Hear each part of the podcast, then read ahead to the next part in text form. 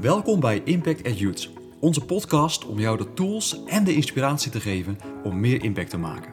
Mijn naam is Jonathan Pellegrom. En ik ben Janine Pellegrom. En we zijn zo blij dat jij hier vandaag bij ons bent. Jonathan en ik zijn deze podcast gestart omdat we jou mee willen nemen in ons hart voor jongeren. En onze ervaringen, inzichten en tools met je willen delen die we de afgelopen tien jaar hebben mogen ontdekken. Want weet je, impact hebben is niet moeilijk. Het is gewoon het doen van de juiste dingen. Als jij meer wilt weten over wie wij zijn of onze nieuwste blogs, vlogs of nieuws wilt checken, neem dan even een kijkje op onze website www.jonathanenjanine.com. Nou, vandaag gaan we naar de volgende training van onze Impact Week. Nou, de Impact Week, voor als je het nog niet weet, is één week waarop we elke dag een training online zetten die jou gaat leren hoe jij meer impact kunt gaan hebben op de levens van tieners en jongeren in jouw omgeving. Nou, het hoort bij de online training die ik gemaakt heb bij mijn nieuwste boek, De Vijf Gewoontes. Hoe jij heel gewoon grote impact kunt hebben op de levens van jongeren. Nou, het doel van onze Impact Week is heel simpel. In zeven dagen jouw impact op de jongeren in jouw leven maximaal te gaan vergroten. Nou, mijn hart is echt dat we met elkaar zoveel mogelijk levens van jongeren positief kunnen beïnvloeden. Dus als jij geniet van deze podcast, deel deze met drie mensen. Want hoe meer mensen we samen in actie kunnen zetten, in beweging kunnen zetten en kunnen inspireren, hoe meer levens van jongeren gaan veranderen. Nou, bedankt dat je er bent en geniet van deze aflevering van Impact Week. Vandaag gaan we samen kijken naar onze zesde training uh, over de vijfde gewoonte genereer vermenigvuldiging. En nogmaals, ons doel samen is heel simpel: jouw impact op jouw jongeren maximaal gaan vergroten. En vandaag ga ik jou laten zien hoe jouw investering in een klein aantal jongeren, misschien maar één of twee, uiteindelijk een effect gaat hebben op tientallen of misschien wel honderden andere mensen. Ik kan me voorstellen misschien dat je, dat je door alle uh, trainingen die je hiervoor hebt bekeken, misschien een beetje overweldigd voelt. Als je net hetzelfde bent als ik, dan ja, heb je gewoon beperkte tijd. Weet je, je hebt gewoon een druk leven, misschien een druk gezin of een drukke baan, druk met school. En ik kan me voorstellen dat je misschien een beetje denkt van, joh, weet je wel, dat is, leuk, al die oefeningen en al die mooie dingen om te gaan groeien in meer impact, maar ik heb hier echt gewoon bijna geen tijd voor. En misschien kijk je wel om je heen en zie je zoveel jongeren, weet wel, die, die worstelen met eenzaamheid of, of vragen of met een, worstelen gewoon met een aantal issues in hun leven. En ben je echt aan het zoeken van, ja, maar hoe kan ik nou impact in hun leven maken? Ik heb zo beperkte tijd. Weet wel, misschien voelt alles wat je doet als een soort klein druppeltje op de gloeiende plaat. Je ziet als het ware dat druppeltje naar beneden vallen in je gedachten en op een soort hete plaat verdwijnen een soort waterdamp. En je vraagt je soms af van, joh, wat is nou eigenlijk het effect ervan? Weet je wel, ik kan maar relatief zo weinig geven en er is zoveel nood, hoeveel verandering zou ik nu kunnen brengen? Maar weet je, deze gewoonte, genereer vermenigvuldiging, gaat daar een antwoord op geven. Want jouw investering in een klein hoeveelheid jongeren kan uiteindelijk een enorme impact gaan hebben. Nou, heb je wel eens bij stilgestaan dat uh, iedere persoon over de tijdspannen van zijn hele leven op ongeveer 150 mensen een hele diepgaande impact heeft? En daarnaast op ongeveer 60.000 mensen een oppervlakkige invloed. 60.000 mensen oppervlakkige invloed en 150 mensen een diepgaande invloed. Eén persoon. En dan houden we nog ineens rekening met de generationele invloed. Ik stel je voor dat, dat iemand drie kinderen krijgt en dat gaat dan tien generaties zo door. Dus elke generatie krijgt drie kinderen. Heeft die ene persoon over een tijdspanne van ongeveer 300 jaar meer dan 50.000 mensen beïnvloed in zijn familiegeneratie uh, als het ware. En al die mensen hebben vervolgens weer een impact gehad op 150 anderen en hun 60.000 anderen. En als je kijkt, wat heeft de grootste impact op het mensenleven, is binnen, de, binnen je gezin. Weet wel, een vader of moeder heeft zo'n enorme invloed. Nou, stel je voor dat jij maar één jongere in jouw hele leven zou kunnen helpen om de vader of moeder te worden zoals God hem bedoeld heeft. Hoeveel impact zou dat hebben? 50.000 mensen over een tijdspanne van 300 jaar. 150 mensen, 60.000 mensen per persoon. Een ongelooflijke impact, wat allemaal begint bij één persoon. Nou, we zien dat Jezus ook in dit principe geloofde. Weet je wel, Jezus kwam uh, in zijn bediening van naar de aarde. Duizenden mensen uh, wilden met hem praten, wilden met hem optrekken, maar hij koos bewust voor om maar in twaalf discipelen intensief te gaan investeren. En van die twaalf discipelen koos hij er drie uit om nog extra intensiever te gaan investeren. In Petrus, Johannes en Jacobus. Nou, waarom deed hij dat? Jezus geloofde in dit principe. Hij geloofde dat de investering in een klein aantal mensen uiteindelijk een soort olievlek effect gaan hebben. Nou, wij hebben dat ook zien gebeuren, weet wel, als we verder de Bijbel lezen. In Handelingen uh, is een van de drie, Petrus, die houdt daar de toespraak op Pinksteren. En er komen 3000 mensen tot geloof. En vandaag de dag zijn er miljarden christenen op de wereld. Allemaal begonnen met die twaalf, allemaal begonnen met die drie. Dat is de impact van genereren vermenigvuldiging. Nou, je ziet dat mensen met impact in dit principe geloven en in dit principe ook uitleven. En eigenlijk is het ook best wel ontspannen. Weet je, soms dan kan je best wel misschien een beetje druk maken dat je denkt van ik zou meer willen betekenen. Maar op het moment dat jij echt gelooft en dit principe uitleeft, geeft het ook heel veel ontspannenheid en relaxedheid. Dat je denkt van hé, hey, ook al kan ik nu maar in één jongere investeren, dit gaat uiteindelijk een veel grotere impact hebben dan ik ooit zou kunnen bedenken. Nou, een van mijn vrienden en collega's is daar een heel mooi voorbeeld van, Wietse Bezemer. Zijn verhaal staat ook in het boek, heel uitgebreid, maar ik zal je de korte versie met je delen. Eigenlijk Wietse was opgegroeid in een christelijk gezin, altijd christelijk opgevoed, met naar de kerk gegaan. Maar rond zijn uh, uh, jongere tijd was hij gewoon eigenlijk volledig van de kerk losgegaan. Hij vond het maar saai, oudbollig, achterhaald. En nou, zijn leven had een soort tussenjaar, dus hij was alleen maar bezig met werken en voor rest zoveel mogelijk feesten en lol maken. Maar op een of manier zorgde al dat feesten wel voor een soort schuldgevoel. Dus hij dacht, weet je wat, laat ik gewoon iets goeds doen qua vrijwilligerswerk om mijn feestleven een beetje te compenseren. Dus hij ging even zoeken op Google en uiteindelijk kwam hij bij Athletes in Action uit voor een sportoutreach naar Afrika. Dus hij dacht van jongens, dit is gewoon kat en bakje. Ik kan en mijn vrijwilligerswerk doen en ik kan gewoon lekker bezig zijn met mijn grote hobby, namelijk voetballen in een soort heel avontuurlijk ver land. Dus hij dacht van joh, ik heb het best wel goed gefixt voor elkaar. Nou, hij las ook ergens dat het wel een christelijke organisatie was, en dat het evangelisatiedoeleinde was. Maar als iets veel, dat, dat komt allemaal wel. Nou, vervolgens toen, voordat hij op outreach ging, kwam hij bij een conferentie terecht. En eigenlijk vanaf het moment één dat hij die conferentie opliep, voelde hij zich vreselijk ongemakkelijk. Overal liepen een soort van zweverige mensen rond met een mooie tandpasta-smile, die allemaal super vriendelijk en aardig voor hem waren. En hij dacht echt van, jongens, jongens, waar ben ik nou in terecht gekomen? Maar hij dacht van, jongens, even doorzetten. Als we hier even doorheen gaan, dan ben ik straks lekker in Afrika, lekker bezig met mijn voetballen. En heb ik mijn feestleven voor dit jaar weer gecompenseerd. Maar tijdens die conferentie gebeurde er iets heel bijzonders. God raakte zijn hart aan. En tijdens een van de diensten, toen kwam hij eigenlijk op het punt dat hij dacht van ja, ik kan er niet meer omheen. God bestaat en ik moet nu een keuze maken. Wil ik met hem verder gaan of zonder hem blijven leven? En toen besloot hij om zijn leven aan God te geven, opnieuw. Ongelooflijk bijzonder.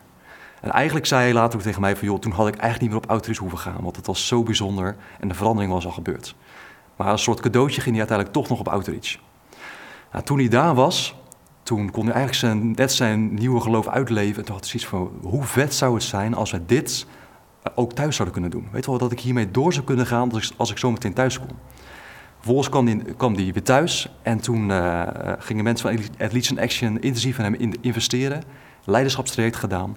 En uiteindelijk is hij een plek begonnen om samen met zijn eigen kerk wekelijks met jongeren uit zijn eigen dorp, uit Houten, te gaan voetballen. En binnen no time was het uitgegroeid tot iets heel erg groots. Ze hadden zes leiders, uh, ontstonden twee plekken. Dus elke week een voetbalplek op een veld, een basketbalplek. En uh, ik ben er meerdere keren daar geweest. Ongelooflijk bijzonder. Echt een team van 20, 20 man. Help mensen uit Houten die er komen voetballen, komen basketballen. En een enorme impact wat daar plaatsvindt. Maar waar is het allemaal begonnen? Het is allemaal begonnen bij één persoon. Bij Wietse. En een aantal mensen die besloten om in hem te gaan investeren. En dat God zijn leven veranderde. En je ziet nu ook dat de impact ook weer door wordt gegeven door de leiders die hij mee had genomen. Die gaan ook weer op hun eigen plekken aan de slag. En ondertussen zijn er ook meerdere mensen uit Houten uh, collega's geworden. Die zijn komen werken bij Peace Connection. En hebben besloten om hun leven fulltime te geven uh, om in de bediening te werken. Hoe ongelooflijk tof. Nou, zomaar een verhaal. In het boek staan er nog meer. Wat de impact is van één persoon. Nou, stel je eens voor, kijk eens, denk eens aan de jongeren in jouw leven. Wat zou er gebeuren als het leven van één of twee van die jongeren zo radicaal zou veranderen? Wat zou de impact zijn? De juiste investering uh, in een klein aantal jongeren zorgt uiteindelijk voor een heel groot olievlek-effect. Nou, er zijn drie oefeningen waar je heel concreet aan de slag kan, mee kan gaan om dit, deze gewoonte steeds meer te integreren in jouw leven. De eerste oefening waar het allemaal mee begint is de juiste mindset. In het jaar 1960 was er een professor, professor Rosenthal, die een onderzoek deed op een bepaalde school. In het begin van het jaar ging hij naar die school toe en nam bij alle leerlingen een IQ-test af.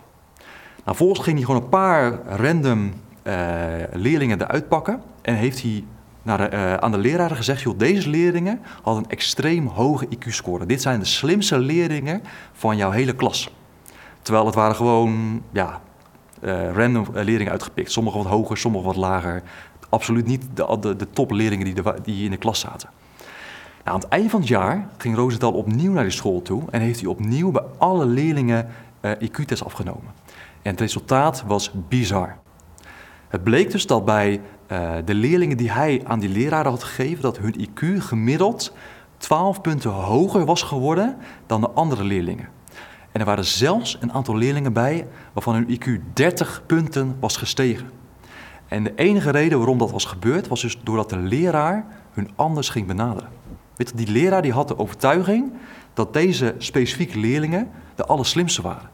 Dus hij had een soort andere mindset over die leerlingen. Hij dacht van, joh, deze gasten zijn zo slim, die kan ik meer uitdagen of anders benaderen. Nou, het onderzoek van Rosenthal liet zien dat jouw onuitgesproken verwachtingen van iemand ten dele zijn gedrag bepalen. Ik zal het nog een keer zeggen. Jouw onuitgesproken verwachtingen van iemand bepalen ten dele zijn gedrag.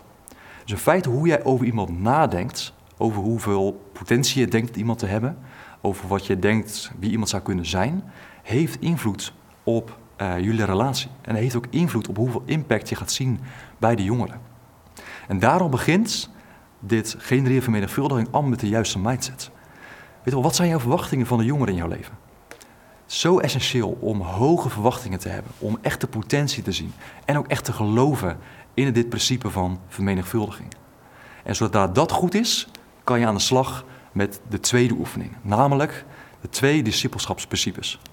Nou, we zien in het leven van Jezus dat hij zijn discipelen in eerste instantie gewoon vroeg om gewoon met hem mee te komen. Dus hij deed het als ware en zij keken toe. Maar langzaamaan begon dat te veranderen. Langzaamaan begon hij steeds meer zijn discipelen uit te dagen om in feite buiten hun comfortzone te stappen. En steeds meer stappen te maken samen met hem, maar uiteindelijk ook zonder hem. In het begin was hij er nog bij hun. Een tijdje toen, toen gingen ze weg en kwamen ze een soort van terugvertellen hoe het was geweest. En uiteindelijk was Jezus natuurlijk naar de hemel gegaan en gingen zij alleen verder. En gingen zij het vervolgens weer samen met andere mensen doen. Dus eigenlijk een soort het proces van iemand meenemen en weer loslaten. En tegelijkertijd was hij bezig met hun hart, uh, hoofd en handen. Hij begon als het ware met het hart, om hun te laten zien van het waarom van de missie. Weet wel, waarom was zij op aarde? Wat was zijn doel? En vervolgens begon hij met hun hoofd, hun steeds meer de tools geven hoe ze het moesten doen, om het uiteindelijk in hun handen te brengen, waardoor ze het ook echt praktisch gingen doen. Dus hart, hoofd en handen. Nou, die twee principes, dus iemand meenemen in je leven en steeds meer loslaten, en iemand laat, het waarom laten zien, het hoe en het in praktijk brengen, die twee uh, principes als het ware, definiëren het leven van Jezus. Op het moment dat wij die twee principes ook gaan toepassen in het leven van onze jongeren, dan gaat die vermenigvuldiging plaatsvinden. En dat kan eigenlijk gewoon heel natuurlijk en heel relaxed. In het boek staan meerdere verhalen die, die als het ware die natuurlijke relaxedheid laten zien. Weet wel, gewoon iemand meenemen om lekker samen naar de sportschool te gaan, samen een wijntje te drinken bovenop je, je dakterras bij wijze van spreken. En doordat je iemand meeneemt en eigenlijk steeds meer op een natuurlijke manier naar voren schuift en iemand meeneemt in jouw missie, in jouw passie, ontstaat er steeds meer vanzelf die vermenigvuldiging. Dat iemand het ook weer gaat doen bij andere mensen. Nou, dat brengt ons bij de derde en de laatste oefening van deze gewoonte, maar eigenlijk ook de laatste oefening van de hele training. En dat betekent laat het los. Weet je, jij bent eigenlijk maar een puzzelstukje in het hele leven van de jongeren. En misschien ben je er wel langere tijd of misschien wel hele korte tijd. En we hadden het al in de derde gewoonte over, of in de tweede gewoonte over onze motivatie. Dat je zegt van eigenlijk zeg je van joh, ik doe wat ik kan en ik vertrouw erop dat uh, ik in hun leven ben omdat God mij hier wil hebben. En dat is genoeg. En in feite, mensen met impact, die zijn in staat om soort van alles te geven, om gepassioneerd voor jongeren te gaan.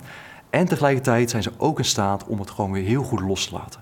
Dat ze denken van, hé, hey, ik heb gedaan wat God van mij gevraagd heeft. Ik heb mijn best gedaan, ik heb in hun geïnvesteerd. En vervolgens kan ik het weer loslaten. Ook gewoon een stukje ontspannen. En ik vertrouw erop dat God met hun verder gaat. En weet je, God houdt meer van de jongeren in jouw leven dan jij ooit zou kunnen doen. Zijn droom voor hun leven is groter dan jij ooit zou kunnen bedenken. Dus als er iemand is die je zou kunnen vertrouwen in het loslaten van jouw jongeren, is dat God wel. Nou, met een hoop informatie Morgen gaan we samen aan de slag om dit super concreet te maken. Yes, heel erg tof dat jij er vandaag was. Nou, ik hoop dat je ervan genoten hebt en dat het je geïnspireerd heeft om meer te gaan betekenen en meer te gaan zijn. En weet je, dat hoeft niet veel te zijn. Kleine dagelijkse stapjes die je lange termijn zet, leiden uiteindelijk tot hele grote resultaten. Nou, als je graag een stapje dieper wil zetten, neem dan even een kijkje op onze website www.jonathanenjanine.com. Daar kan je onder andere onze nieuwste vlogs en blogs bekijken en kan je jezelf ook opgeven voor onze maandelijkse update, zodat je zeker weet dat je niets mist. Nou, thanks dat je vandaag was en vergeet niet, impact hebben is niet moeilijk. Het is gewoon het doen van de juiste dingen. Ik zie je volgende keer.